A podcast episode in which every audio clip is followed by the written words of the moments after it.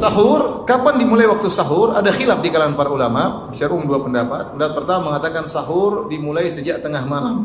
Ini pendapat mayoritas. Pendapat kedua mengatakan sahur adalah waktu kubail fajar, yaitu waktu menjelang subuh. Pendapat pertama artinya kalau kita sahur jam 1, sudah sah sahur kita.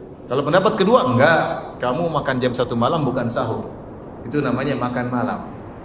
Beda dengan sahur. Dan saya lebih condong pada pendapat kedua karena namanya sahur secara bahasa adalah waktu menjelang apa? Subuh. Kubail fajar. Itu loh namanya sahur. Artinya kalau azan misalnya jam setengah lima ya jam empat, jam setengah empat itu waktu apa? Sahur. Adapun seorang makan jam satu itu bukan waktu sahur. Tapi ini khilaf ya, khilaf. Kalau jam satu makan namanya bahaya laten, bahaya lapar tengah malam. tapi khilaf ulama, tapi saya lebih condong bahwasanya namanya sahur itu kita makan menjelang apa? Menjelang azan subuh itu namanya waktu sahur. Apa hukum sahur? Sahur hukumnya adalah sunnah muakkadah.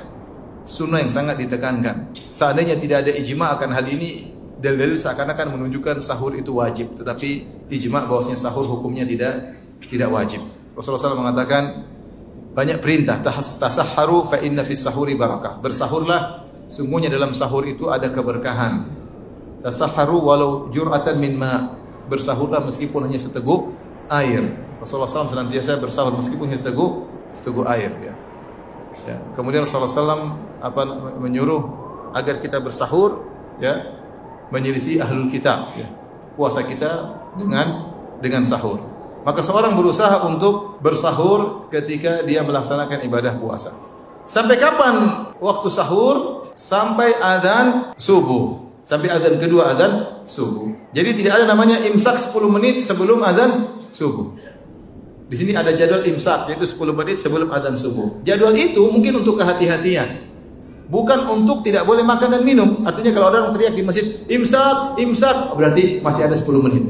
Berarti masih ada 10 10 menit. Bukan berarti nggak boleh. Sebagian orang karena takut imsak dia berhenti lagi sebelum imsak.